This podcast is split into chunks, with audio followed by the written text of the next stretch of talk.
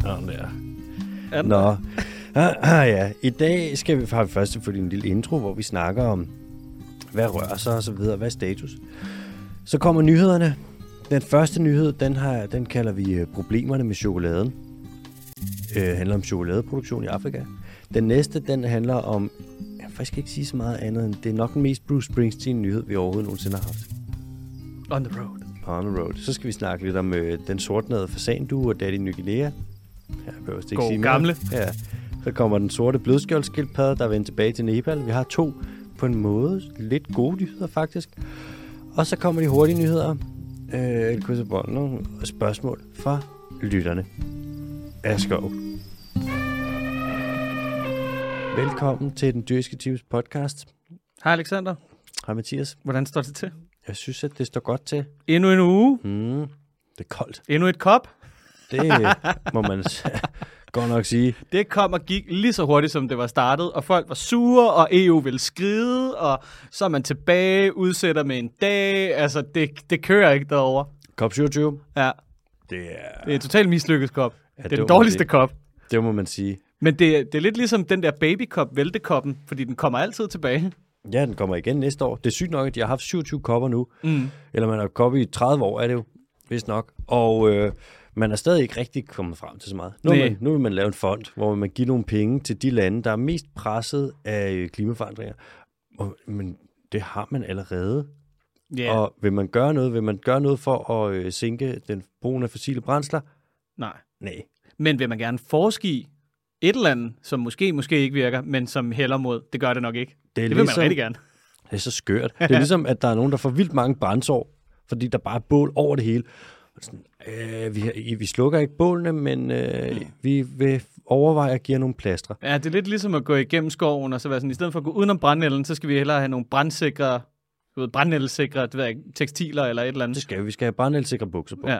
Det, er, øh, det er skørt. Det er lidt skuffende, men det var jo som vi forventede. Du kom med en spot om, senior, og Ja. ja. jeg tror faktisk, at du har ramt plet. Det får vi lige at se. Det vender vi nok lige om en uge eller to, hvis ikke... øh, Ja, det gør Ja, Mm. ja. Øh, Når, vi, når vi er kommet hen på den anden side af det. ja. Apropos øh, COP27, Mm. Greenwashing Awards. Ja, Vi kommer...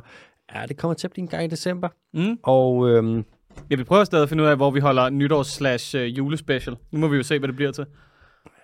Jeg vil gerne forbi den der panpan igen, de har gode forskruller. Ja, og den der, kan du huske den der, den der øh, pomfrit der med trøfler og alt muligt lækker? Virkelig, virkelig godt. Woo! Ej, Jeg kan godt være, vi må forbi der igen. Ja. Må lige høre Lærke Emil engang. Mm. Øhm, Greenwashing Awards, vi har fået nogle rigtig gode bud. Mm? Øh, der er jo åbenbart nogen, der render rundt og greenwasher derude. Vidste du det? Nej. Vidste du det? Nej, det er rygter. Okay. Oh, Og, det, er noget, det, er noget, det er noget, vi har fundet på i vores lille hule hernede i kælderen. Øh, åh, det er fordi, vi er sådan nogle små grønne krigere. Ja. Øhm, kom med jeres bud til Greenwashing Awards. Vi øh, finder lige på noget, og præmien, det bliver, jeg tænker måske, præmien bare bliver et lille brev, vi sender til dem, der har greenwashet mest. ja, det tænker jeg også. Og lige at Hvem er skrive- egentlig værdig over det? Nikolaj Likås, han har jo altid været på alle de der fede shows. Kan vi få ham? Det kan da godt være. Skriv til ham. Jeg skriver til ham. Tag din håndholdte computer device. Find hans mail. Ej, den her er ikke holdt Send den holdt. jo. Det er afsted. jo bare en, det er jo en, det er jo en bærbar computer. Ja, okay. Det er It's rigtigt. carryable. Ja. Hvad det hedder, øh, vi skal sige tak. Tak til alle jer, der skriver op til 10'er. Det er pisse fedt, at I bliver ved med det. Det sætter vi pris på. Eller i hvert fald bare beholder jeres subscription. Det er meget fedt, at I ikke melder fra. Bare lige sådan en gang. Du ved, Ja. her er en femmer. Fuck jer. Og hvis at der er nogen, der lytter med, som også har meldt fra, så er det også helt fint. Det er så fint. Det er så fint. Det er okay. Det er så fint. Det gør ikke ondt at blive afvist. Nej, overhovedet ikke. Og selvfølgelig fortsætter vi med at lave gratis service for dig, der gav lidt penge, og så ikke gad at give penge. Selvfølgelig. Det er så fint. Hvis man sidder et sted, hvor at man, øh, man ikke kan overskue det, og eller ikke har lyst til at hvad det hedder, donere penge til os via tier, så er der også en anden lille ting, man kan gøre, som øh, vil gøre kæmpe stor forskel. Vi ved godt, at det ikke lyder af særlig meget, når man sidder derhjemme foran computeren, og der er udkommet et nyt afsnit. Men hvis du liker, når vi lægger et eller andet ud på Facebook, eller vi gør det på Instagram, eller deler det endnu bedre, øh, så vi kan komme lidt bredere ud, så vil det være endnu mere fantastisk. Altså, det rykker alt sammen. Wizards. Og lige apropos det, Mm. så er der jo her i, øh, ja, i talende stund, så er der jo kommet en lille nyhed frem. Nå. Ja, med at øh, enhedslisten og Alternativet, de er ikke længere med i øh, regeringsforhandlingerne. Så Mette Frederiksen vil altså ikke danne regering med enhedslisten og Alternativet. Der er, og det er, det, jo, det er jo de to grønneste partier, der er i Danmark, ikke? Ja, når man kigger på deres kernemål, så sender det et meget, meget, meget tydeligt budskab. Ja. Man kan sige, det er det, som altså Alternativet nærmest er bygget op omkring. Ikke? Ja. Og øhm, det betyder så, at, og også det med Søren Gade, der bliver gjort til formand for, alter, for, øh, Folketinget. for Folketinget, Ja. ja. hvor at det er ikke normalt, at det største parti vælger en uden for deres eget parti, at Socialdemokratiet tegn for Venstre. og putter- Det ser meget ud til, at øh, Mette Frederiksen faktisk vil lave regering over midten Ja. ja. med Venstre. Som afrækkefølge er det også, det, han står på skuldrene af Pia Kærsgaard, ikke? Altså sådan, så det fortsætter bare i det fede spor. Ej, prøv at overveje. Lige nu, der vil Mette Frederiksen hellere lave regering. Hun har ikke smidt DF ud af forhandlings, øh, regeringsforhandlingerne. Hun vil hellere lave for, regering med DF end med Alternativet og Enhedslisten. Ja, og, og ved du hvad? Og hvis, okay, hvad vil du sige med det? Ikke noget, jeg sidder bare og redegør. Sidder du og gør dig kritisk over for det? Jeg analyserer ikke at redegør. Okay, cool. Mm. Fordi jeg kan ikke se noget galt i det. Nu må jeg bare sige, som det er. altså, du den- elsker Messerschmidt. der, er- der er den gode gamle Sun Tzu, ikke? han siger, keep your, keep your friends close, keep your enemies closerest. Er det ikke også ham, der siger, keep your friends close and be good friends with Morten Messerschmidt? altså, det, nu, hvis der kommer til at være en regering, og det gør der jo så nok, mellem Socialdemokratiet og Venstre, så kommer det ikke til at være en grøn regering. Med moderaterne. Moderaterne tror jeg ikke kommer med. Tror du ikke det? Ah, det håber jeg virkelig ikke. Så bliver det først for alvor virkelig ikke grønt. Men, altså, vi kæmper videre. Mm. Nu er der kommet nogle løfter fra de forskellige partier. De har alle sammen snakket om, hvor grønne de er, og hvor meget de ved den grønne dagsorden, og hvor meget vi skal reducere, og Socialdemokratiet kommer frem og siger, ja, vi skal hæve målet til ikke bare 70% reduktion, men 80% i 2050. og- Flere tal, eller højere 2030. tal. Ja, og øh, Venstre kommer ind og siger, ja, vi skal have en CO2-afgift på landbruget, alle de der ting. Øh, vi, holder dem, vi holder dem op på det. Og jo større den her podcast bliver, og jo flere følgere der kommer, jo mere kan vi øge trykket. Altså, jo mere kan vi rykke på det. Og vi er jo vi kæmper jo videre, ikke? Vi er jo bare to irriterende hippier, der sidder her med vores lange hår og kæmper for den grønne dagsorden, ikke? Piercing og tatovering og Ej, Ej, og stop og nye tatoveringer og Ja, ja, ja. ja. shit. skipper måske et bad i ny og næ. Det kan godt være, det sker. Men vi skal rykke på det her, og jo, øh, ja, jo mere pondus, jo mere vi kan pakke et punch, jo mere kan vi altså også give en mavepuster, når de begynder at k- køre videre med deres fuldstændig kulsorte politik. Et lille eksempel på det, det var jo for eksempel, at da vi prøvede at i gang sætte det her projekt med at invitere folketingspolitikere ind, og især formændene til en, hvad der hedder grøn snak, så skete det rent faktisk. Og det er jo fordi, der er en eller anden form for pondus, og der er nogen, der lytter med. Ja, så det jeg prøver at sige, det er egentlig, fortæl øh, dine venner om podcasten. Spred ordet, og så skal vi fandme nok sørge for, for resten og fremme den grønne dagsorden. Apropos grønne ting, Mm. og de der kranse, man har til jul, adventskranse Ja. og sådan. Og nu ved jeg ikke, om jeg kan lokke en teaser ud af dig, Mathias. Nej, men faktisk kommer er det der jo mus- teknisk set ikke, ikke, ikke en teaser. I dag er det jo, lad os lige se på kalenderen, ikke? når Mm. I lytter med her, så snakker vi, at klokken den har slået mandag den 28. december. Mm-hmm. Nej, november, undskyld. Mhm. Oui. Og på det her tidspunkt, der i sådan cirka 24 timer, der har det første afsnit af vores øh, Uh. adventskalender været vi, vi har, I, I så, øh, hvad der er nogle små klip fra, da mig og Alex var inde og besøge, øh, hvad der hedder Brian, Zookeeper, Guy Zookeeper guy. inde i, øh, inde i Zoo, hvor vi er rundt og besøger en masse dyr. Der kommer fire forskellige fokusdyr, så det vil sige, I får altså en, et afsnit inde på YouTube, hvor vi er, inde, hvor vi er i Zoo en gang om ugen. Det er er helt fucking- frem til jul. Det er fucking smukt. Det ved jeg ikke, hvordan- om det var verdens mest kringlede måde at sige det på. Vi har, okay, vi havde ikke råd til en julekalender i år. Det vi i stedet for har valgt at gøre, det er, at vi har lavet en adventskalender. Sådan. Der kommer fire afsnit. Når du lytter til det her, så har afsnit 1 allerede haft premiere. Så gå ind på YouTube, Den Dyrske Team, TV, og se det første afsnit. Det handler om flodheste. Det bliver skide hyggeligt. Og det er slow tv. Altså, vi kommer ikke til at klippe i det. Det kommer ikke til at være, du ved, sådan noget hurtigt, du ved, ligesom det heller ikke er herinde, når vi har mm. gæster i en gotcha journalistik. Ja, ja. Det er slow tv. Det er hyggeligt. Du ved, varm en kop kaffe, te, chokolade. Et lille glas rødvin måske, hvis du er til den Ja. slags. Mm. Hent din kæreste, dine børn, eller du ved, pas nogle børn, eller et eller andet. Eller kram sofapuden. Ja, læg ja. Ja. med nogle tømmermænd, eller et eller andet, og se slow tv fra den dyrske team. Vi har været på besøg. Vi har været på besøg. Vi har været på besøg. Og så en aller, aller, aller sidste ting. Kæft, der er mange informationer den her Ja, uge. yeah, sorry. Ja, undskyld, hvis I allerede har slukket. Hvis øhm, I tænker med brodering og øh, den dyrske team logo og alt det der, og der skal broderes, og I ikke nåede forbi der den 24. Øhm, så skriv, og så finder vi på noget. Ja. Noget med noget så må I... Noget med noget. Ja, noget med noget. I Noget må med sende. noget. Vi får fundet på noget med en adresse, og så får vi fundet på noget med noget sende tilbage og whatever. Men nu har vi ligesom sat det op og har fået en, øh, En aftale op at stå. ja, en broderingsekspert øh, ind, som fører broderingsmaskinen, og ja, så kan vi sgu lige så godt bare få... Og gjort igen, det jo, hvis I og vil igen, have det. Ja. og igen. Prisen. Ja. Kom med. Tre- 300 bobs, mand. 300 bobs. Vi kommer til at donere øh, overskuddet til, øh, hvad der vil gørenhedsorganisationer. Der kommer et skriv, I får p- at vide præcis, hvad pengene går til. Der er fuldstændig transparens. Transparency, Transparency International vil være så glad for os. Ja, det er faktisk ikke særlig dansk. Nej. Hmm. Skal vi til det? Ja, tak. Chokolade. Godt sted at starte. Ja, vi elsker det alle sammen. Ja, tak. Øh, og det gør vi med god grund, for chokolade, det er alvorligt lækkert. Men der er lidt problemer med øh, chokoladeproduktionen.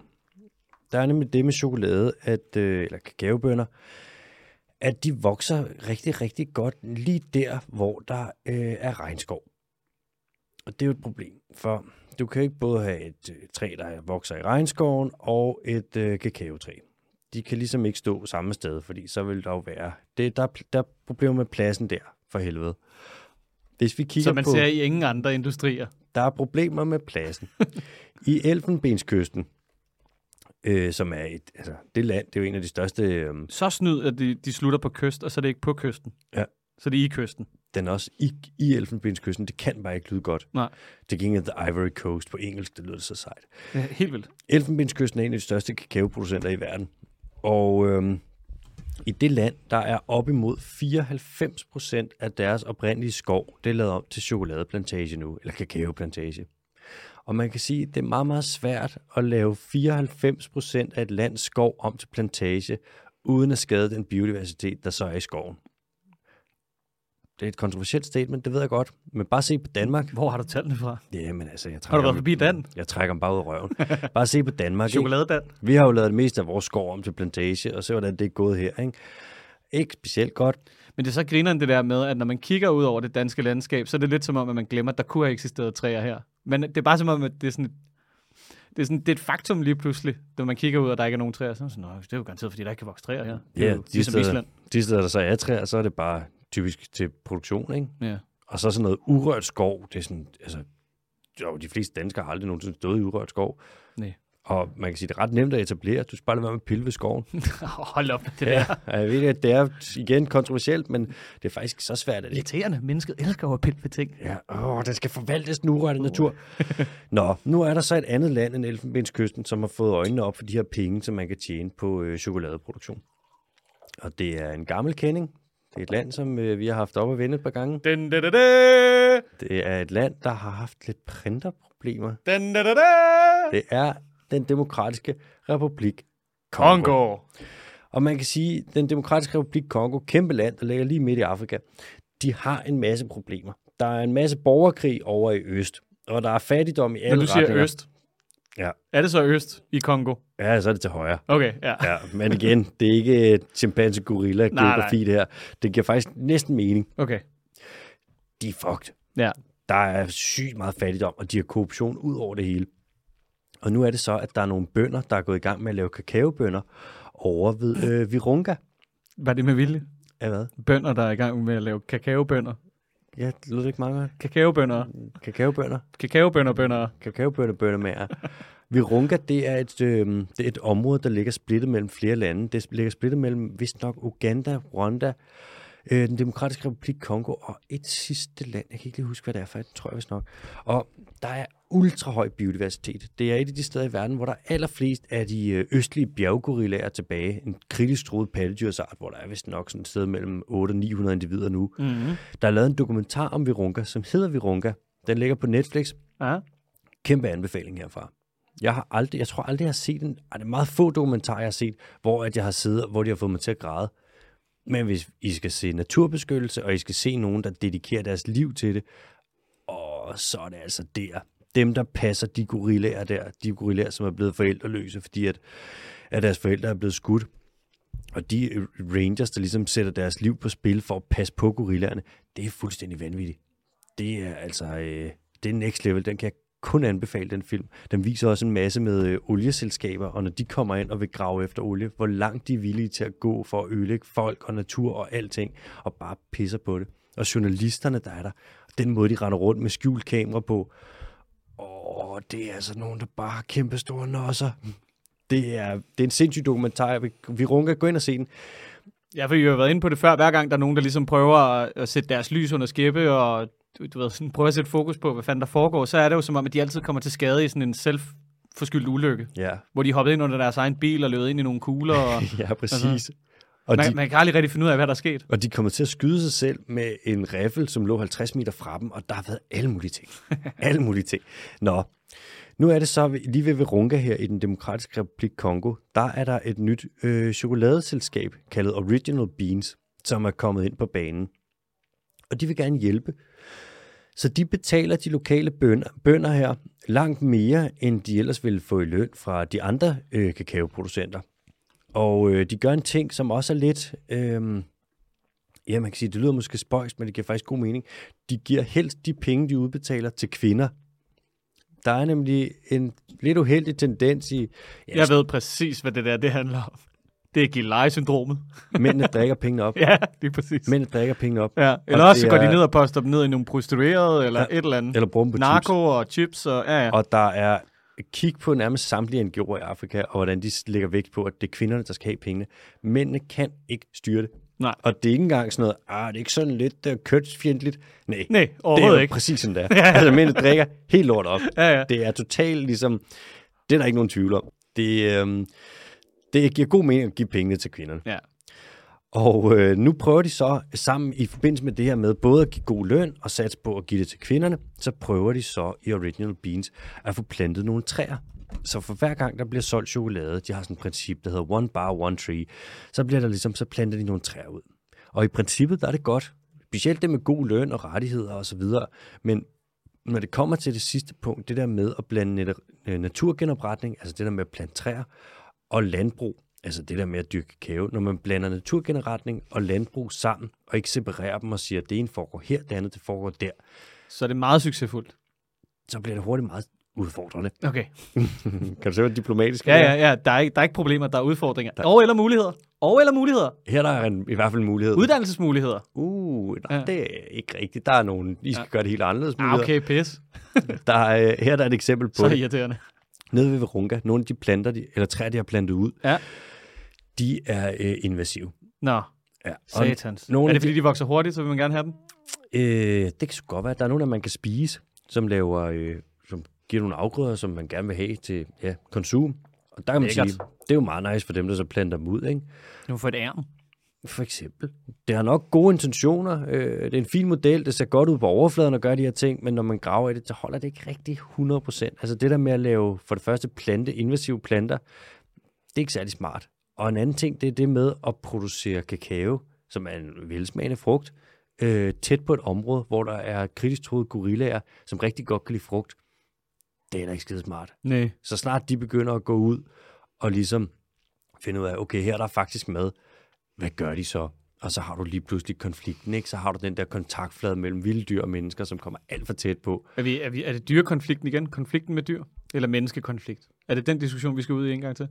Ja, der er ikke så meget diskussion, der er bare nogle dyr, der bliver skudt. Ja, Det er, jo- lige det er præcis. jo sådan, det er lidt nemt. Nogle gange så skal Det er jo natur... aldrig os, der er til besvær for de andre. Nej, er du gal? Vi er jo bare...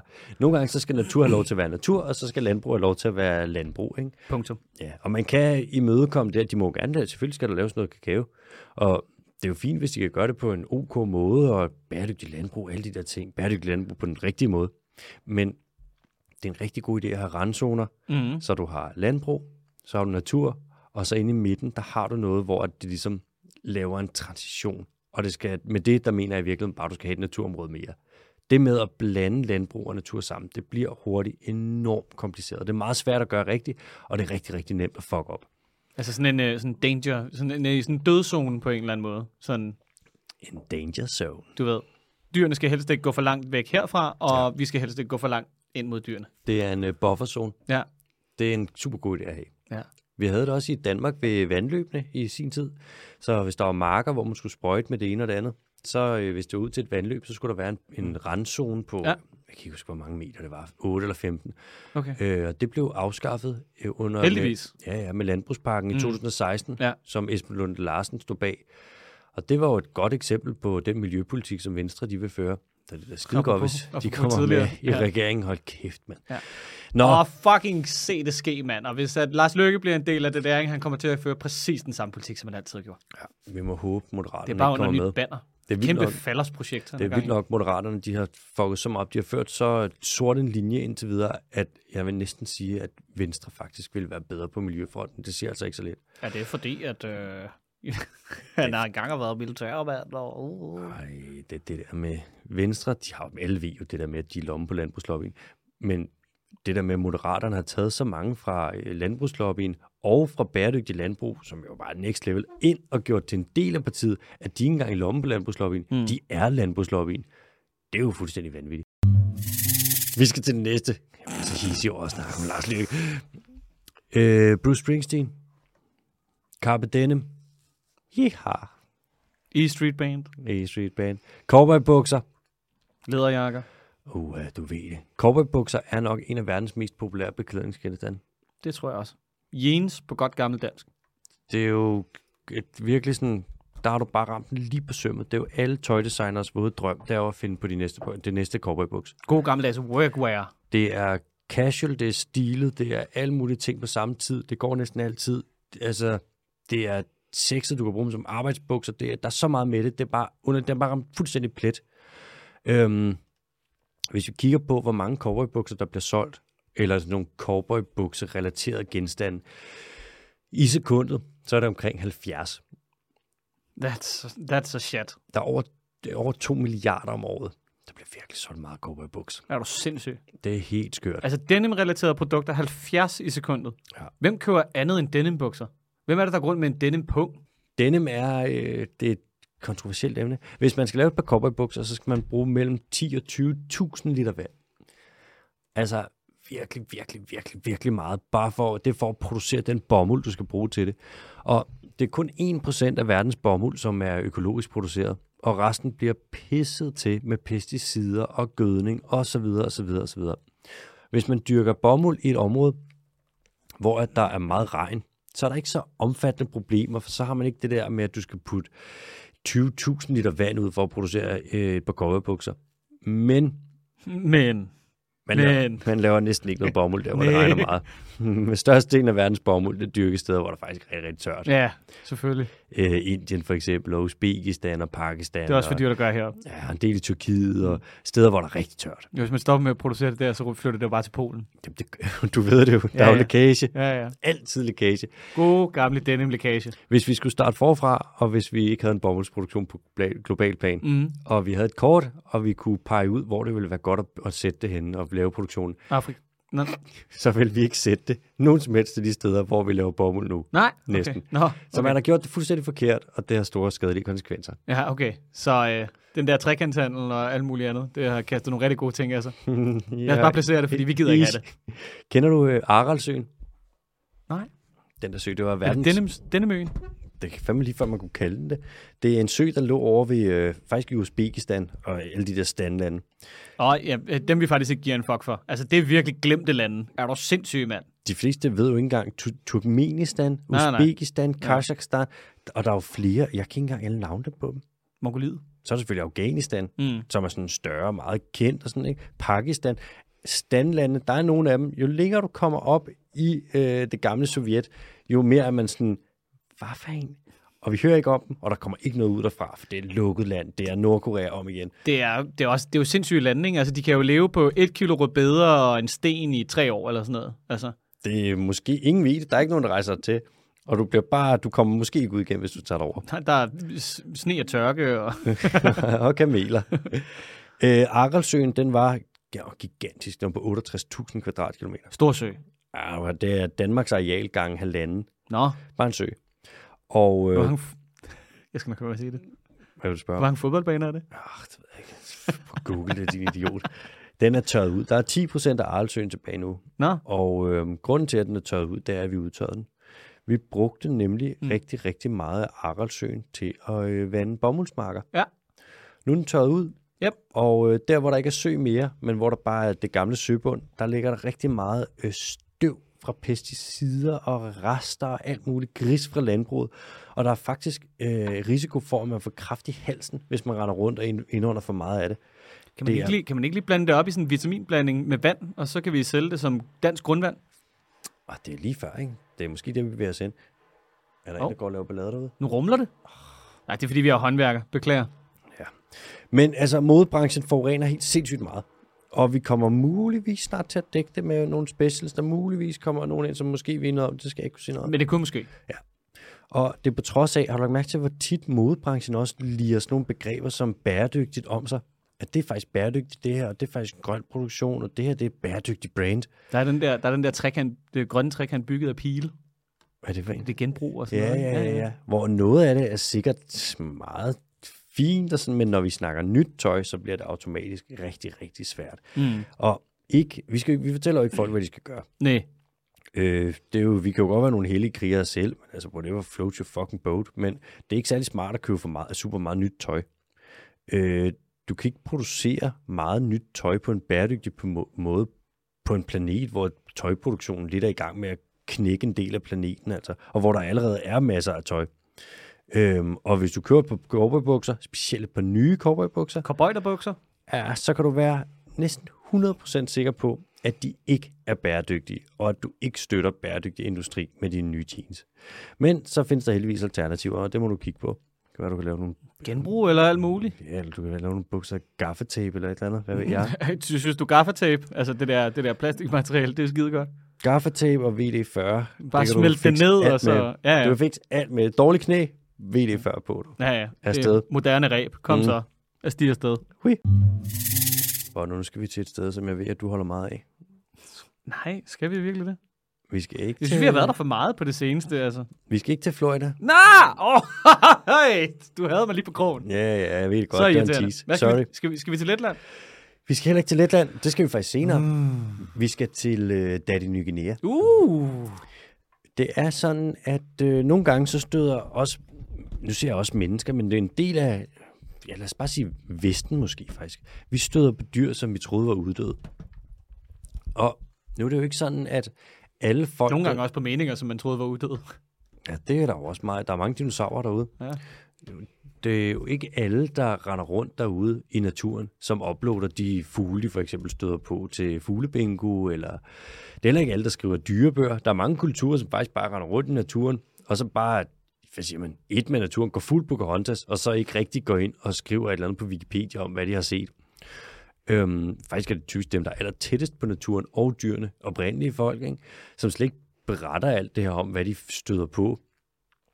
Så i Vesten, der tror vi tit, at for eksempel noget er uddød. Vi har en idé om naturen, som egentlig ikke rigtig bygger på, at vi er ude i den, men som bygger på noget fra nogle ekspeditioner, eller nogen, der tog en gang imellem og rapporterede noget ind, og så siger vi, det er et nyt fund, det vidste vi slet ikke. Mennesket havde ikke stødt på det her. Hvor sådan, det kan du stikke op i røven, det passer overhovedet ikke. Det er Det- bare, Vesten vidste det ikke. Det er ligesom, når man finder et nyt land, eller en, ny, eller en gammel bygning, eller sådan noget Machu Picchu, eller et eller andet, så er det sådan, I've, I've discovered this. Og så er det Ja. sådan, ja, ja, der var også nogen, der byggede det, de Ja, store idioter. præcis, det er rigtigt. altså. For helvede. Og, og det er det samme med dyrene. Jamen, jeg har genfundet det.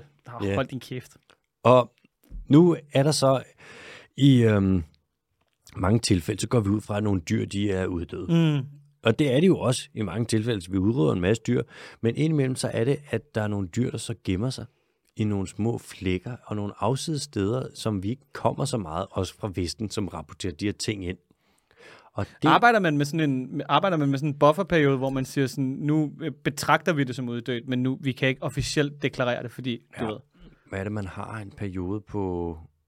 Åh, Jeg kan ikke huske, hvor mange det er, om det er 5-10 år. Det er IUCN, der, Ja, ja, har sådan en, ja. ja. der er sådan en manual, sådan en protokol, man følger. Og hvis der så ikke har været nogen fund i x antal år, så siger du, ja okay, den er nok uddød. Ligesom den der axolotl, Mm. den der derovre ved siden af Chuchumilco-søen, der sådan en salamander over i øh, Mexico. Ja, virkelig en Pokémon-agtig type. helt overdrevet. Ja. Fuldt helt overdrevet. Man har ikke fundet nogen af dem i mange år. Nej. I en del år. Den findes i en sø, som er pisseforurenet. Ligger lige ved siden af Mexico City. Ja, tak. Og man ved godt, den er uddød. Altså, du, den findes i en sø. Men man går lige og krydser fingre lidt. Ja, man går mere sådan, og har sådan nogle utålmodige fingre, der gerne vil ind og skrive, nu er den uddød, ja. fordi man, sådan, Ja. ja. man, ved det. man finder dem ikke mere, det er forurenet, alt det der. Bøv, bøv. Men man må ikke, fordi der er sådan en, en periode, hvor man ikke skal have nogen fund inden for den periode, og så kan man sige, at den er uddød. Ja. Så der er super stramme regler med det der. Og Ja. ja. der, er- jeg vil vide med, uden at vide det, at der findes rigtig, rigtig mange dyr, planter, svampe osv., hvor man egentlig godt ved, at de er uddøde. Mm. Men man venter lidt på, at der er gået længe nok, men man ikke har fundet dem til, at man kan gøre det officielt. Ja, det var bare fordi, jeg kom til at tænke på den der filosofiske undring om, du ved, hvis et, hvis et træ falder i skoven, og der ikke er nogen til at høre lyden, har lyden så lyt, eller hvad man siger, ikke? Mm-hmm. Tænker lidt, altså, der, er jo- det kan jo også være, at det, er sådan, man bare går rundt og siger, at ting er uddøde, og så er det bare, fordi man ikke lige kigger på dem, eller et eller andet. Det, det er jo ikke engang løgn. Ja. ja, ja. Og prøv at tænke, hvor, hvor store områder der er, så mange dyr kan gemme sig i, ikke? og planter. Og havet.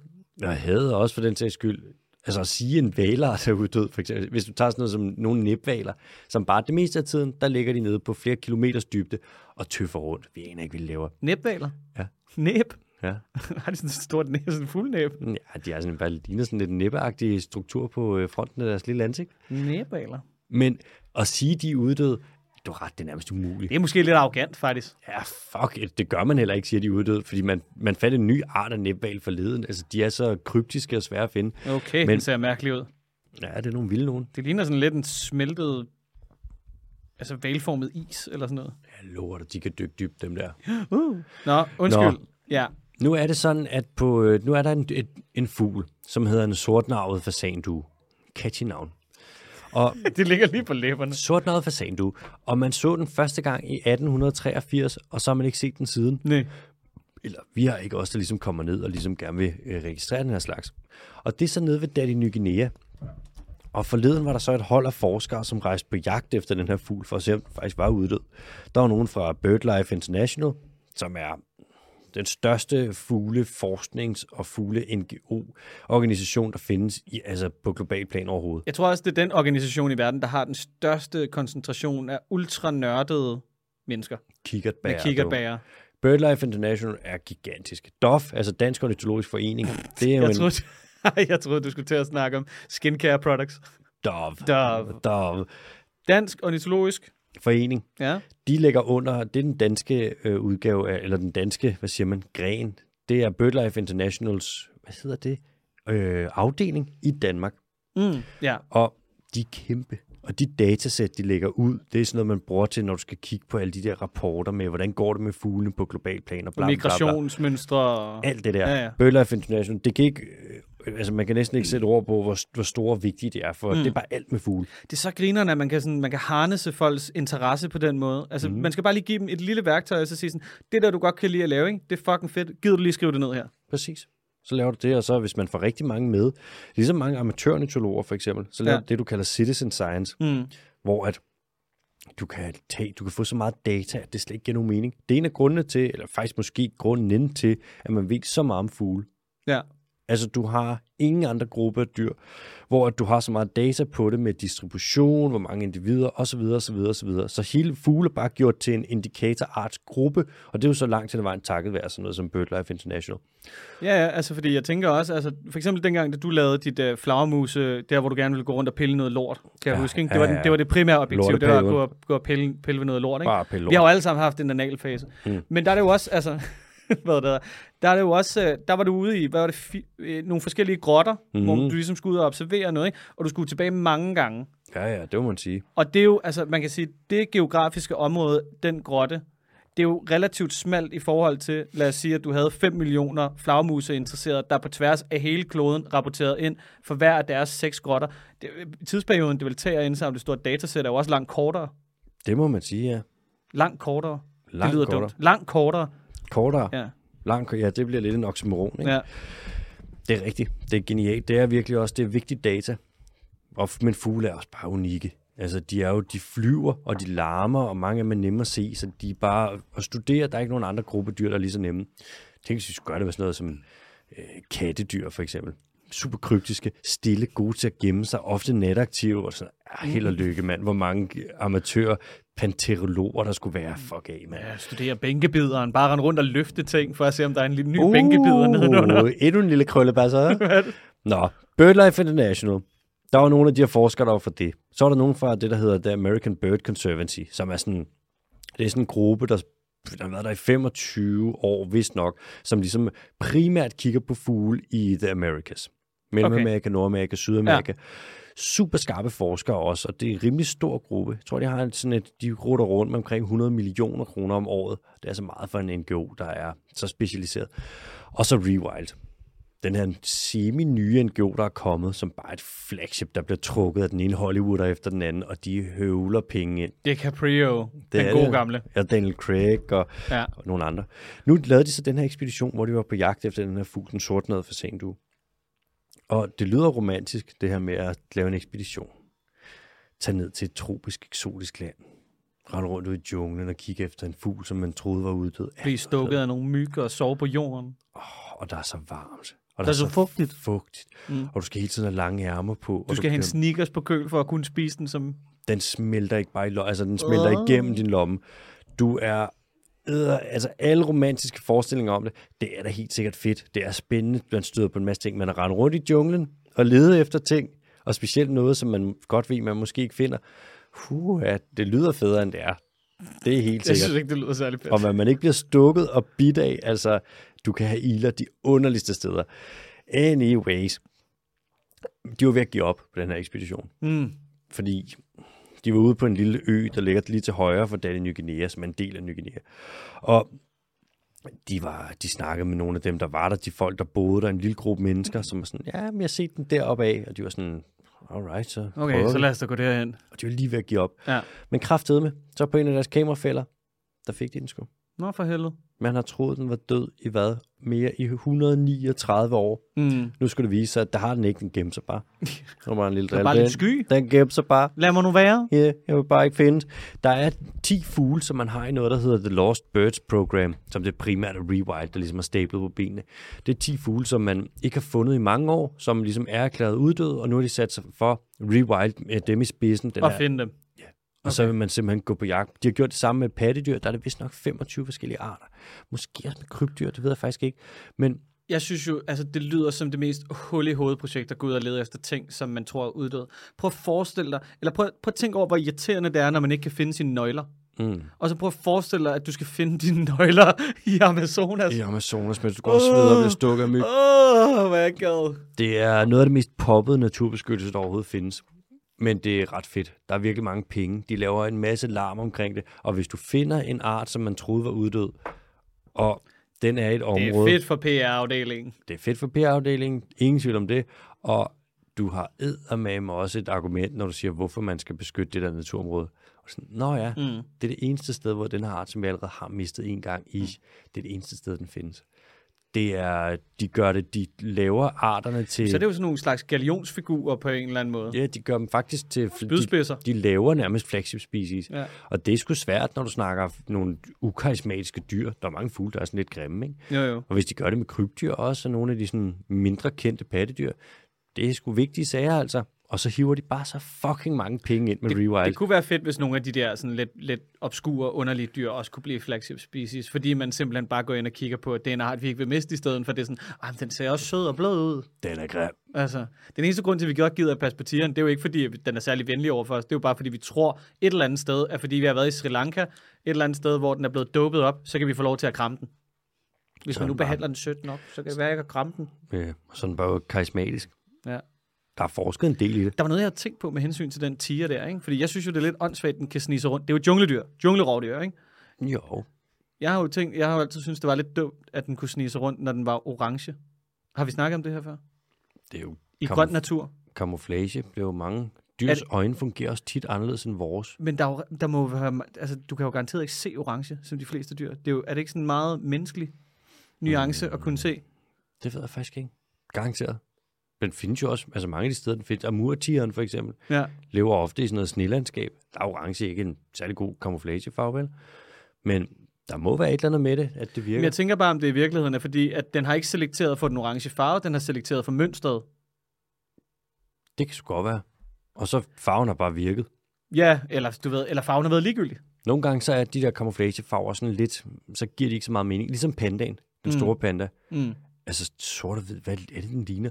Men det er rimelig god kamuflage åbenbart.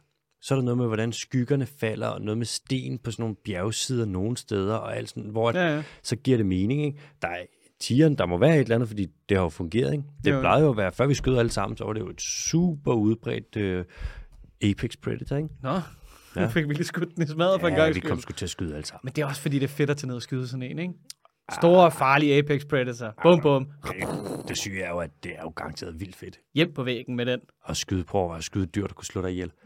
Jeg stod til ansigt, ansigt til ansigt med den her på 800 meters afstand med en riffel. Ja, skøden lige mellem øjnene. Wrestling. Ja, er de også. Vi skal videre til den næste, og vi skal til øh, Nepal.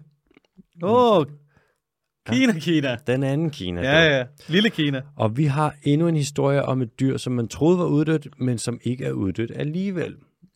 Nemlig den sorte blødskjoldskildpadde. Blødskjoldskildpadde. Det er svært at sige. Ja.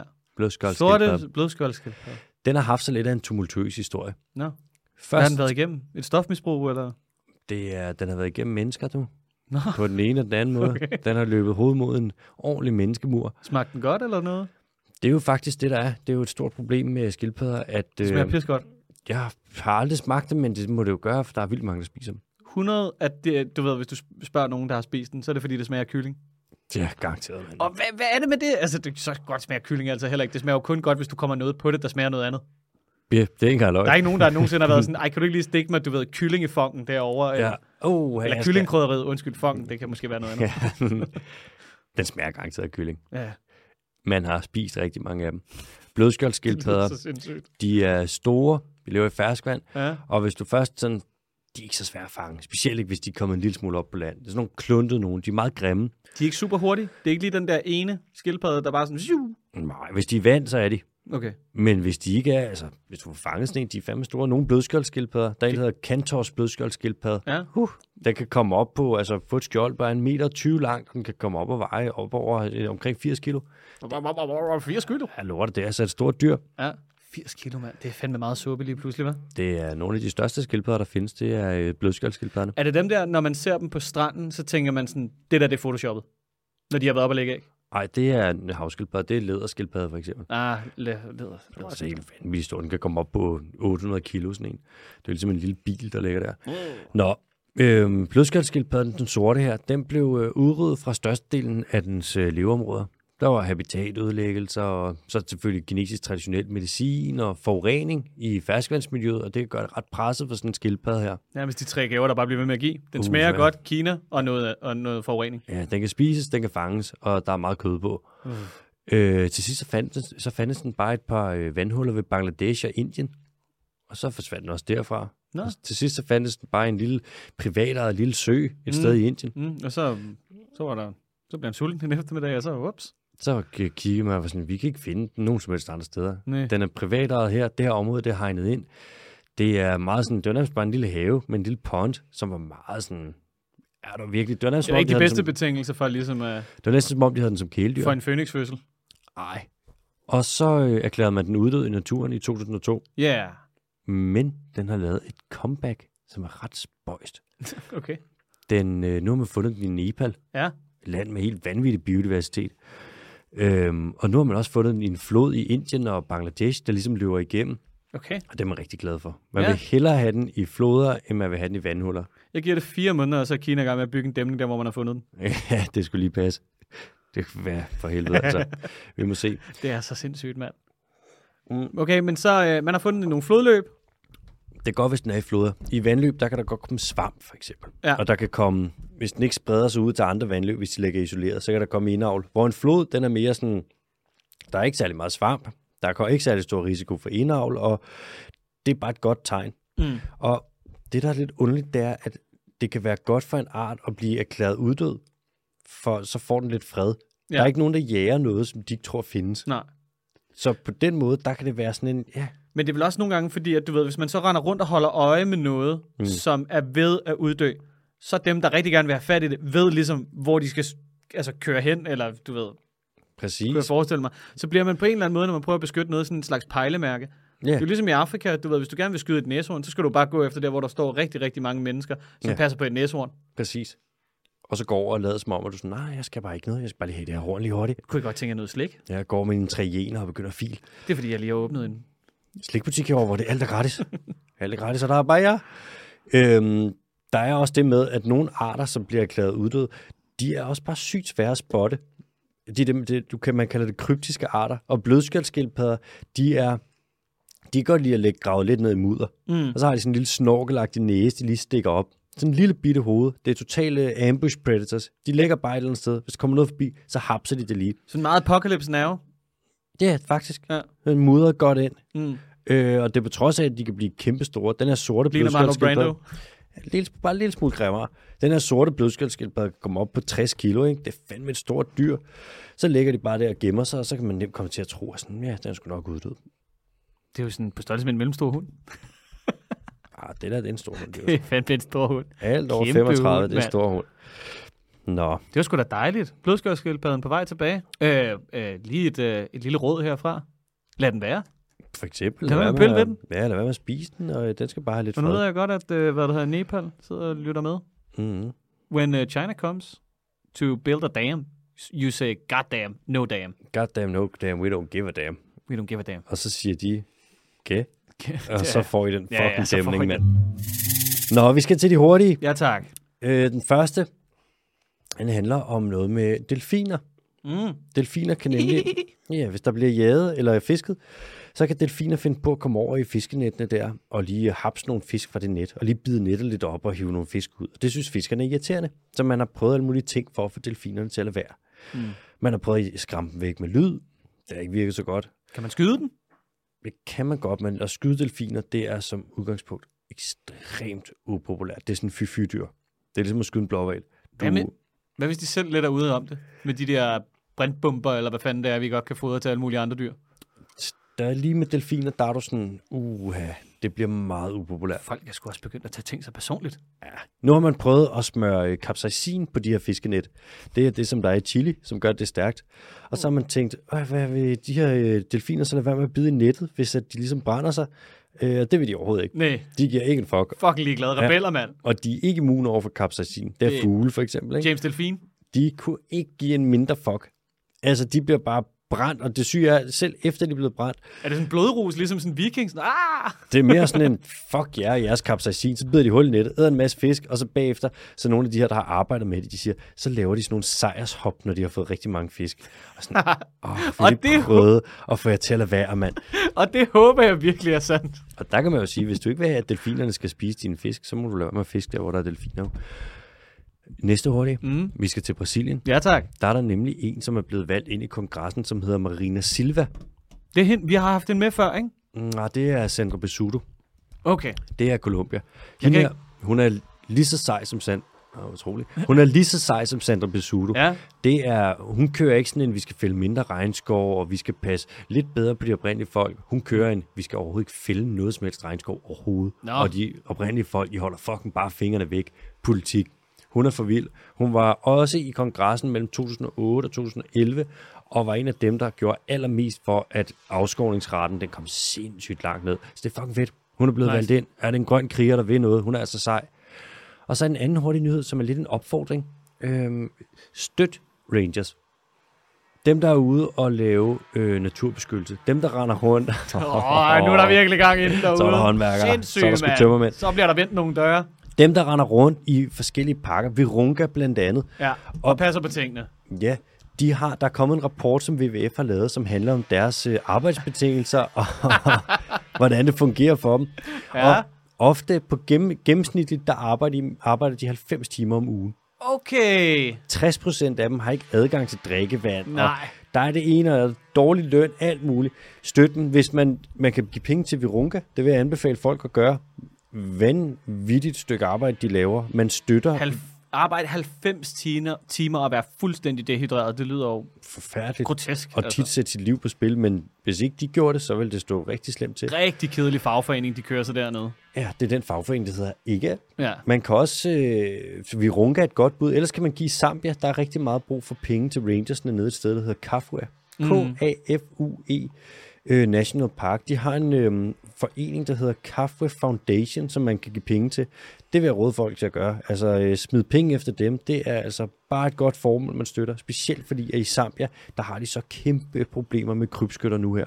De har en park, den Kafwe-park dernede. Den er på 22.000 kvadratkilometer. Det er en halv Danmark. Og der er mellem 4 og 5.000 krybskytter derinde på alle tidspunkter.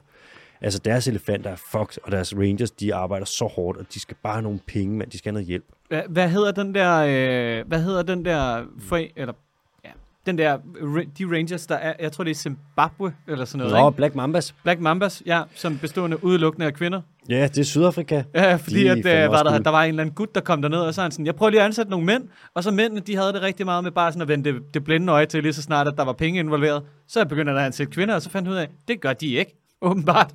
Det virker. Og vi skal en lille smule nordpå fra øh, Virunga, Sydafrika og så videre til øh, igen Kongo-regnskoven. Kongo er fucked. Altså fuldstændig fucked. Kongo kom til, øh, eller de lande, hvor et Kongo er en, ligesom ligger, regnskoven ligger i de lande her, de kom til COP27 og sagde, I skal give os nogle penge for at lade være med at fælde den her skov. Vi er fucked. Vi er så fattige. Vi bliver nødt til at have nogle penge. Hvis ikke I giver os nogle penge, så fælder vi den her skov. Ja. Og de får ikke en skid. De får ikke en skid. Kongo er helt for. Nu så er de sådan, jamen så sælger vi til olieselskaberne. Og alle de lande, som står der er sådan, ah, vi kan ikke lige undvære de penge. Fuck af, mand. ja. Helt seriøst. Det er, Kongo bliver fældet, medmindre at vi betaler dem for at lade være. Og der kan man sige sådan, oh, men kan vi så, hvorfor kan de ikke bare lade være alligevel? Det er jo naturlæggelse. Sådan, fordi de er fucking fattige, mand. Ja. Alle andre steder har smadret al deres natur. Nu Kongo kommer og siger, eller de lande her kommer og siger, vi vil gerne lade være, vi har bare ikke råd til at lade være. Så må vi jo hjælpe dem. Men det er også fordi, man kommer fra et dansk udgangspunkt, ikke? så man er sådan, du ved, jeg kan jo godt lade være med at gå ud og hugge et træ ned, men hvis det stod på bekost, altså hvis det var, hvis det var min familie med ind, øh, som, ind, som indsats, mm. altså børn og ældre Præcis, og et mand. samfund, der er på, på randen til at bryde sammen, så kan jeg da Selvfølgelig. love dig for, at jeg havde hugget den altså egeskov ned på, et, altså på en eftermiddag. Præcis. Og det er, den, situ- det er den altså sådan, skruetving, vi ligesom sætter dem i. Mm. Hvis du ikke gider at give dem penge, så er der nogle andre, der nok skal give dem penge. Ja. Og der Og er ikke det. dig som person, men altså os som samfund, og især Vesten. Præcis. Ej, og jeg ved bare nu med den nye regering, der kommer. Også fordi, hvor meget olie tror du, de bruger? Altså, tror du, det er sådan, at man har sådan et rigtig godt bytteforhold, hvor at vi hiver en liter op, og så får I en liter? Det- Fordi det tror jeg ikke. Jeg tror primært bare, at man kommer, så lægger man en pose penge, og så alt den olie, man får trukket op fra undergrunden nede i Kongo, den ryger direkte til, hvad der er vestlige biler. det Og plastikflasker og pis og lort. Det er et faktum. Altså det gennemsnitlige klimaaftryk for en indbygger i Afrika er utrolig lavt. Næsten samtlige indbyggere, eller samtlige, altså alle dem, der er en del af befolkningen i Afrika, lever faktisk op til Paris-aftalen. I Rwanda for eksempel, der har den gennemsnitlige... Hvad tror du, den siger til det? Han siger, det er løgn. Er det Nej, han siger ikke, det er løgn, men Det er han... fordi, de spiser klimafrikadeller dernede. eller hvad? Åh, oh, ja, selvfølgelig, ja. Åh, oh, de ville jo sulte, hvis ikke vi lavede koteletter. I Rwanda, der tror jeg vist nok, den gennemsnitlige borger har et klimaaftryk på, eller et CO2-aftryk på 0,2 ton per år. Okay. Det er vanvittigt. Det er, Det... næsten, det er næsten lige så lavt som en danskers. En dansker ser på 17 ton. Åh, gider du godt lige? Vi er... Når vi først får klimakompenseret med nogle pakker fra udlandet, så kan jeg da godt love dig for, Det, at det kommer helt ned på s- s- 16 her. det er jo dem, der er det grønne forgangsland, hvis man kigger på klimafronten. Det er det, der er så skørt. Fordi du bare lever i et med naturen, fucking irriterende med, med, med. Ja, fucking lille hippie. Ja. Der er heller ikke nogen, der siger, at vi skal bombe alle kreditinstitutterne, men måske kunne det godt være, at man skulle betale nogle mennesker for at lade være med at fælde den skov, som vi alle sammen gerne vil have, de ikke selv fælder. Por favor. Og senor Bondo Kim, med de ord, der vil jeg give ordet videre til dig og El Quizo. Okay, vi er tilbage med en quiz. Kom med det. Velkommen til, mand. Øh, hvad der her, vi gør det, som vi altid gør. Fun fact til at starte med, efterfulgt af, hvad der er, fem facts. Den sidste, der skal du næsten kunne gætte. det. Det var en hård uge sidste uge. Det var noget rigtig lort. Mm, jeg vil ikke snakke om det. Er der kommet noget ind i indbakken omkring, at der er nogen, der har gættet det? Jeg vil ikke snakke om det. Okay, fair nok. Cool. Vi starter her. Fun fact. I videnskabens navn har man anvendt min orden til at agere pejlemærke for, hvordan man kan få robotter med mere end to ben til at gå. Specielt fordi man har observeret, øh, at alle ben... Øh, hvad det hedder... Hvad fanden? Nej, okay, det er fordi, jeg har kopieret noget engelsk ind. fordi man har observeret og tror, at alle ben øh, hvad, det- agerer individuelt. Ved du, hvad man kalder det? Lidt ligesom en, en sprutte. Så mere, når det er mere end to ben, og det er AI, Ja, så har man opkaldt, så har man brugt den orden, som det her dyr er i. som et pejlemærke til, hvordan at man kan programmere ben til at gå med til i robotter. Okay, Hvorfor det må fanden har være jeg ikke oversat det? det? er- Det er første gang, det her det er sket. Undskyld. mere end to ben. På, på, på, fordi hver ben, man tænker, de, jeg tror Ja, ja, de ikke, de, ag- de agerer altså individuelt. Det er i hvert fald ikke, det er ikke en blæksprut. Nej. Det vil være arm. Du har også lige sagt blæksprut. Mm. Det er ikke et pattedyr. It's not a pet animal. Nej. Og det er ikke, det er ikke et pattedyr, det er ikke et krybdyr, det er ikke en fugl, og det er ikke en fisk. For fisk har ikke nogen ben. Det, det så vi da i sidste uge. Det var en slags ben. Det har jeg sagt, jeg ikke vil snakke om. Okay. Det, har, den her, det må være... Det er ikke et insekt. Det er utroligt, at når øh, funfactet altså, skal være, skal være en, en ret stor ledetråd i forhold til at kunne gætte det, hvis man kender noget meget specifikt til det, til det givende dyr, at jeg ikke har oversat det. Så jeg skulle live oversætte som en anden idiot. Åh, oh, Det er ikke et krabstyr, det er ikke et insekt. It's not a crib animal. Det er en slags myriapod. Det er, det... Det ved jeg ikke, hvad det betyder. det er en... Er det en slags skolopender? Øh, Det ved jeg heller ikke, hvad det betyder. En skolopender? Jo, det skulle da dem der, der er med i Harry Potter. det, er Ja. det- Kæmpe ja. skolopenter.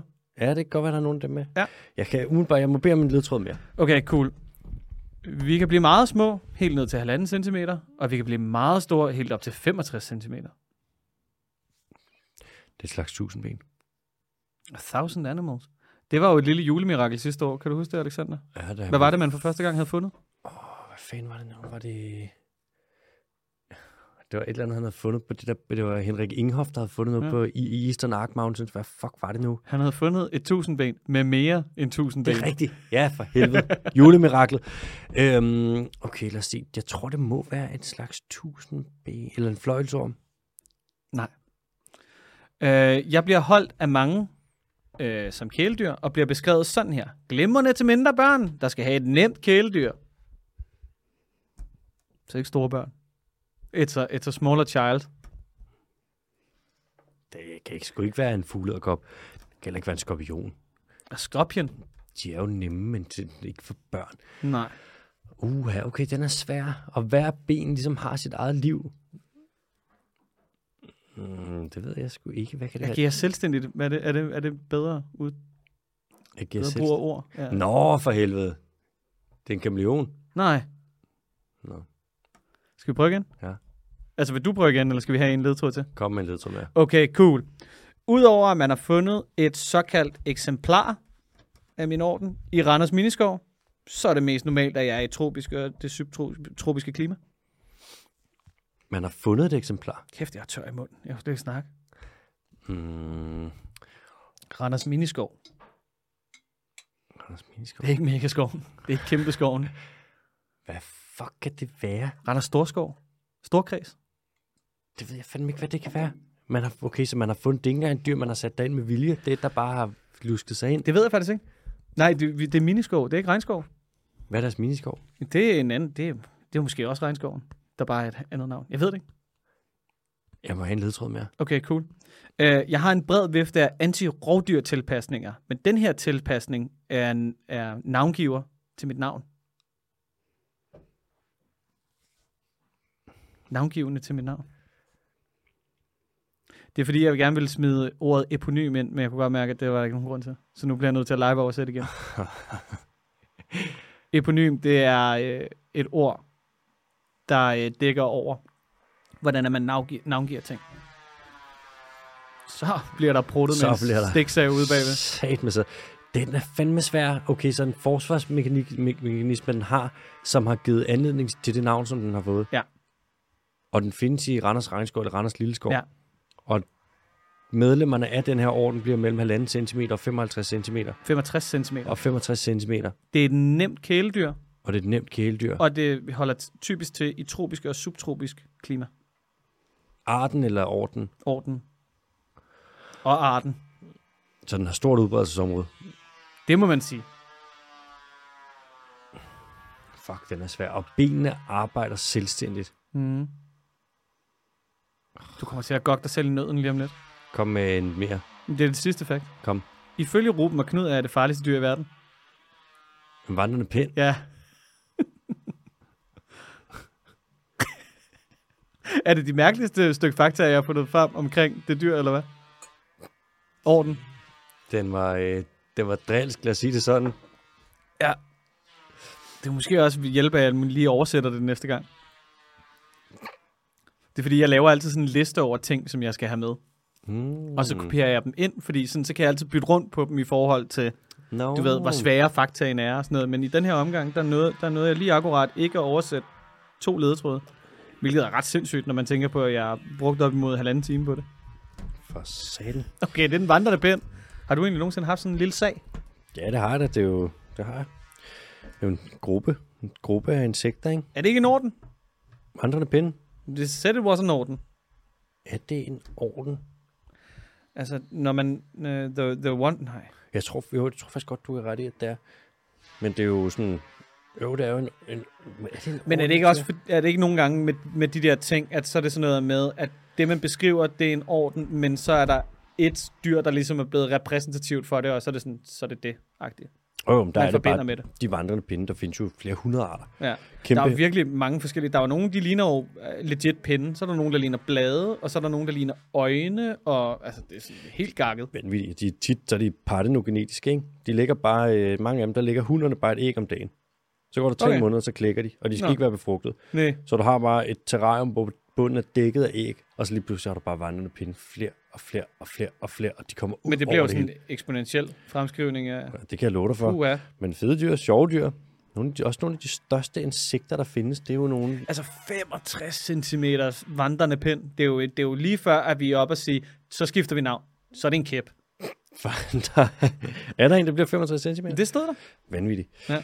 Nå, det var svært. Jeg bryder mig ikke om at få 0 point, men så må Næ. det være. Øh. Ja, tak. Øv, øv. Nå, vi skal til spørgsmål fra øh, lytterne. Først så har vi et fra Maximilian. Klasse navn. Elsker det navn. Ja, det er et flot navn. Er det, hedder han Verstappen til efternavn, fordi så bliver jeg rigtig glad. Han hedder... Nej, det står der faktisk ikke. Der står, han har været med i Gladiator. Det, det er Verstappen. Han skriver, hej AHMBK. Hej Maximilian. AK, AKA, Mathias, AKA, Mathias Bondage Kim, AKA Kalle. Lige hurtigt, inden det rigtige spørgsmål Mm. kommer, vil jeg bare sige, at I laver en mega fed podcast. Så mange tak for det. Selv tak, Maximilian. Det sætter vi pris på. Selv tak, bro. Okay så. Jeg går på et mega dejligt, superliberalt gymnasium i Indre København. En lille ledetråd. Det har innovation i navnet. Der er ikke så meget naturtalibans prædiken. Super fedt. Men nu har vi nemlig fået en opgave for i engelsk om at undersøge Rishi Sunak, som er UK's nye premierminister, Ah, og hvilke forskellige holdninger han har til nogle af de emner, som en politiker jo skal have en holdning til i nutiden. Selvom det nogle gange godt kan lyde, som om de bare prøver at mene noget, de, fordi de skal. Men hvad ved jeg om det? Jeg har selv researchet lidt på det og kigget på nogle interviews, hvor han fortæller om, hvor vigtigt klimaet er for ham, da han jo har to døtre, som kommer til at mærke de store klimaforandringer i fremtiden. Men for mig virker det hele bare som tomme kalorier, så i hvert fald ikke som AH's bønnestuning. Han er jo i top 250 rigeste mennesker i hele UK og top 10 rigeste i London. Jeg ved ikke, om det er bare mig og min dumme grønne underbevidsthed, som har en dårlig fornemmelse, hver gang rige mennesker snakker om klimapolitik. Vil høre, om I kunne fortælle lidt om hans klimapolitik, eller om han overhovedet har en. Vil være ret lækkert med noget lektiehjælp til mig og pissegod viden og formidling til lytterne. Det er jo en win-win situation. Hygge hejse fra gymnasieeleven, som er lidt presset med udleveringer. Med afleveringer, som I nok kan høre. Øhm, altså, ham der Rishi Sunak der, ikke? ja. Han er blevet den nye leder af det konservative parti. efter Liz Truss gik Hun... Hun af. sådan cirka var der i 45 minutter. Hun har det faktisk i 44 dage, Okay, ja. så, øh, og det er det korteste, der nogensinde er nogen, der har været der. Hvilket jo er en præstation i sig selv. Det må man godt nok sige. Hvad det hedder, øhm, han, har, ikke- han er ikke særlig grøn. Han gik ind for nogle år siden, der stemte han for en halvering af afgiften på flyrejser. Mm. Og han har, hvis man kigger på hans his- historik, hvordan han har stemt, Mm. så har han som ofte stemt imod klimatiltag. Ja. Og han er faktisk imod de fleste grønne ting. Men han er grønnere end Liz Truss. Og det siger, men det er også svært at være. Liz Truss, hun nåede at være på 44 dage på magten, men hun gik fuld oven, altså bare at fjerne ting, fjerne ting, fjerne ting. Øhm, tiltag, lov, alt sådan noget. Hun gik fuld Bolsonaro på den, så Rishi Sunak, han er overhovedet ikke grøn. På ingen måde. Altså, han er en, u- virkelig en super kulsort politiker, men han er grønnere end Liz Truss. Og det- man kan sige, ja, han kommer ikke til at gøre noget grønt for England heller. Han kommer ikke til at trække det i en grøn retning. Mm. Han er basically lidt på samme måde som Boris Johnson. Sådan en, der godt kan snakke lidt om at være grøn en gang imellem, men når du kigger på deres politiske linje, så er der ikke en skid. Det er faktisk... Ja. ikke rigtig noget. Men ja, man kan sige, jeg tror, det er også det, der har været appellerende ved ham. Det er jo et eller andet sted, at han har været i gåseøjne den fornuftige konservative, man ligesom havde i partiet. Altså du ved, han går ikke han, han går ind for lige rettigheder til homoseksuelle og alle mulige andre ting, som vi sådan øh, mennesker imellem godt kunne tænke os, mm. men på den grønne front er han jo nok ikke særlig grøn. Og som du selv siger, han er pissehammerende rig, og det er hans familie også. Hvis de havde lyst til at gøre noget ved klimaet, så kunne de gøre det. Ja, det er ikke engang løgn. Altså, så kunne de rykke på det med deres mange milliarder. Altså, Ja. yeah. det er ikke for sjov penge, den her familie er værd. Han er ikke, øh, ja, de er godt nok rige. Så kommer der et spørgsmål fra Søren, Ja, tak. som skriver, Hej MBK og AH. Hej Søren. Tillykke med de 100. Jo, tak du. Tak, Søren. Og så kommer der- det er jo nok mest til dig, det her første her spørgsmål. Hvad, hvad har du gjort? Kan Riga anbefales til en uges tur med drengene? Jeg har jo hørt en historie eller to i podcasten. Man skal godt nok flyve, jo, men øh, hvad siger du bare nu? Øh, ikke endnu. Nej. Og prøv lige at planlægge det. Altså, det kommer an på, hvad I gerne vil lave. Altså, hvis Riga er udgangspunktet, så synes jeg ikke, det er helt dårligt. Altså, der er masser af ting at se, og man kan få en god weekend, og der ligger faktisk nogle ret udmærkede steder at spise. Hvis man var i tvivl om, om jeg bedst kan lide, øh, hvad der er i køkkenet i Riga eller i Arizona, hvis man på nogen som helst måde er i fucking tvivl, så kan jeg love dig for, at jeg vil spise, det, ved- altså hvad der lå på gulvet i Riga til enhver tid, end at bestille en ny ret fra et eller andet skodsted i Arizona, mand. Sjæleløse. Puha, mand. Get him! Nej, hvad det hedder, ja, der er masser af ting at se. Altså, der, og der er masser af, øh, hvad det hedder, floder og vandløb, som man kan sejle i, hvad det hedder, kajak og kano op og ned af. Der er nogle store naturnationalparker, og man kan køre rundt. Jeg tror, hvis man skulle gøre noget, så skulle man måske køre lidt rundt i landet. Eller tage nogle af de andre lande. Altså, du kan jo nemt tage Tallinn Riga, altså i samme ombæring. En uge, det er for meget. Mm-hmm. Det tror jeg. Så en, mindre end en uge i Riga. det er Jeg, anbefalingen. jeg, havde, jeg, havde to, jeg havde to-tre gode dage der, hvor man ikke føler, man har set for lidt, og man har ikke set for meget. Og lige så snart, at du begynder at nå dertil, medmindre du kender nogen, så tror jeg ikke, det er interessant. Fik du det, Søren? Ja. Oui. Ui. Og, så til Og den god næste, tur. Ja, og god tur. Hygge jer. Og så til den næste del af spørgsmålet, som er, jeg har også to andre spørgsmål. Ja. Nummer et. Kan der komme en dyrisk rejseguide på et tidspunkt? Steder, der enten har spændende grønne initiativer, rigt eller unikt naturliv, eller begge dele, og som måske kan nås på en nogenlunde klimavenlig måde? Og to, kan man crowdsource den dyriske time encyklopædi, i forklarer jo nogle gange, som jeg har talt om før, eller bliver spurgt om at forklare ting som palmolie, zoologiske haver eller lignende. Hvis man nu havde et sted, man kunne slå alt det op, kunne det være ret sejt. K.H. Søren. Jeg tror, at altså, til nummer to der, det tror jeg ligger på vores YouTube. Så man kan... Nå, ja, det er selvfølgelig rigtigt. Altså, der ligger jo nogle gange nogle segmenter. Øhm, Ja, det er rigtigt. Der er sådan noget opklarende der. Ja. 100 procent. Og det er jo tit, hvor der har du været ud- siddet og kigget på, hvis der har været sådan noget rigtigt, ja, som sagt, opklarende, et eller andet, der vil være godt på den måde. Så lige kottet den snas ud der, mm. lagt det op som sådan en lille, nærmest sådan en explainer-video ja. på YouTube. Altså, der ligger for eksempel den med palmeolie, den ligger på YouTube. Det er jeg næsten 100% sikker på. Mm-hmm. Og vi kan godt begynde at tage nogle af de andre ting med, altså af de andre segmenter alligevel. Absolut. Vi har bare kun startet med tre, fordi det, vi har heller ikke lyst til at løbe panden mod muren og love for meget. Nej. Vi går stille og roligt frem. Ja. Du Og tager den anden, tænker jeg. Øh, det med den dyriske rejseguide. Nej, jo, altså, jeg vil sige, steder med et grøn, spændende grønne initiativ, rigt unikt dyreliv, begge dele. Altså, Det er så langt væk. Altså, hvis du gerne vil se noget, der er rigtig anderledes, så skal du langt væk. men Bondo, Bondo, Bondo, Bondo. Der er jo et sted. Florida. Der er kun et sted. Florida. Det er jo til Florida. Det er så Florida. er til Florida. Det er så tæt til Florida. Florida. Og det siger vi uden at have fået penge fra Floridas turistforening. Vi har ikke har fået fået penge fucking før. krone, Vi har mand. ikke fået nogen penge. Giv os nu nogle fucking penge, mand! Ja, for det har vi ikke fået. Tag til Florida derover. Tag ja. derover. Brug rabatkode. Ej. øhm, der er fandme mange steder med rigt, unikt naturliv og sådan noget. Ikke? Det er jo meget, hvad man er til og sådan. Det er, jo, 100 kan sagtens komme med en anbefaling hister her. Øhm, men som udgangspunkt, der er, fuck, der er så mange lande i verden, og alle lande har faktisk noget natur og noget unikt at byde på. Så mm. det er lidt, hvad man er til. Altså, hvis du gerne vil se noget lidt tørre savanne og sådan noget, så vi sidder jo, jeg er jo stor fan af sådan noget som Daddy Ny Guinea og Florida for eksempel. Og, så, og hvis man skal rejse derhen på en klimavenlig måde, så du, du kan tage nærmest alle steder hen med toget. Det tager bare lang tid, ikke? Tog Ja. og bus, så gør det på den måde. Og øhm, hvis du vil rejse klimavenligt, så skal du ikke flyve. Det er det mindst klimavenlige, du overhovedet kan gøre. Så det er et, st- et stort spørgsmål, og man skal nok have det i mente, men vi lige kan smide en lille, "Ja, så derhen, der er smuk natur, hister her. Øh, øh, den dyriske Teams, turen går til. Turen går til. Hej hej. og så kommer der et spørgsmål fra Kit, Ja. som skriver, Hejsa I geogutter. Hej, Kit. Hej jer. Mange tak for et mega godt, informativt podcast. Hvis budskab jeg spreder til de fleste, jeg møder på min vej. Mange tak for det, Mange Kit. tak. Jeg har et spørgsmål, som jeg ved, I har berørt før, eller i hvert fald dele af det, men i hvilket af, deres nu, i- af jeres nu 100 afsnit, der er, ved jeg ikke lige. I snakker også om en liste på et tidspunkt. Sagen er den, at juletiden nærmer sig med hastige skridt, og for at slippe ud i, øh, og for at slippe for at skulle ud i butikkerne og slås om pladsen i køen og deltage i forbrugerkulturen, tænkte jeg, at jeg simpelthen bare vil støtte. Give et støttebevis til samtlige familiemedlemmer, primært til bevarelse af original regnskov. Mm. Jeg, jeg selv kan lige på stående fod komme på verdens skove, men er der flere andre, måske endnu bedre NGO'er, som virkelig vil nyde godt af at få nogle moneter kastet efter sig. Tanken var, at jeg så i juletiden stadig lige kunne nå at snige lidt naturtalibaner tanker ind i den dejlige julehygge og gøre det endnu mere hyggeligt. Win-win. Så hvilke NGO'er er ekstra gode at støtte herop til juletid? Fra Kit. En anden lytter med kun tre bogstaver i navnet, så måske jeg kommer frem i køen af spørgsmål. de har Er luret du os, Bondo. sindssyg, De har mand? luret os. Ej, Sif, hun får så meget røg for alt det der. Hold kæft. øhm, øh, for helvede, Kit, der er fandme mange NGO'er. Ja. Ja. Jeg vil faktisk sige, altså om det er jul eller ej, det er sgu lige meget. Bare støt afsted.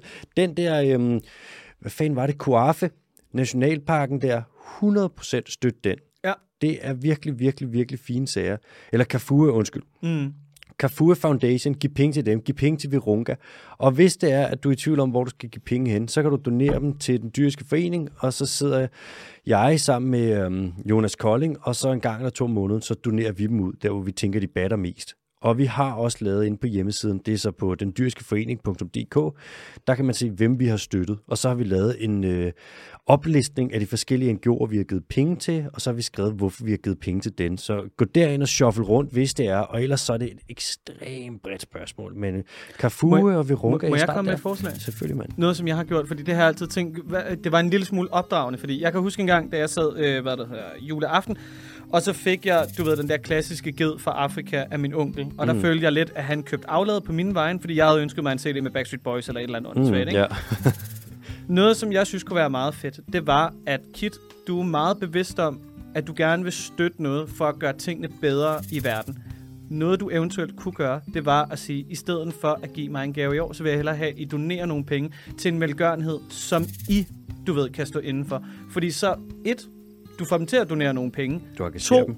du engagerer dem, og du får dem til at tage stilling til noget. Du ved, lidt indirekte. Mm. Og så, okay. altså, Øh, ja, faktisk smukt. Ja. Altså, og det synes jeg måske er en meget fin måde at gøre det på, for jeg tror, de fleste mennesker har et eller andet, de går op i, eller noget, de gerne vil gøre, eller du ved, donere til, eller et eller andet. Og det her, det kan godt være, at det er sådan en lille genvej til, at de får taget stilling til det, eller rent faktisk får gjort det. Altså- Det er fandme en god idé. Det var det. Og øh, med de ord, der tror jeg faktisk, vi er nået igennem dagens program. Der er, ikke- der er ikke nogen løgn. Der er ikke nogen løgn. Der er så mange, der har skrevet ind, at de Nej, kender det det er før dig. slettet. Er du sindssyg, mand? Tak for i Jeg har da dag. taget dosmersedlen med. Her er Nikolaj, han skal... Hold Nej, kæft. jeg har faktisk ikke taget noget med. Der er ikke nogen, der har, der er ikke nogen, der har løjet den her uge. Thank fucking God. Jamen, så er der ikke andet end at sige øh, tak, fordi at øh, du lytter med, og øh, adios.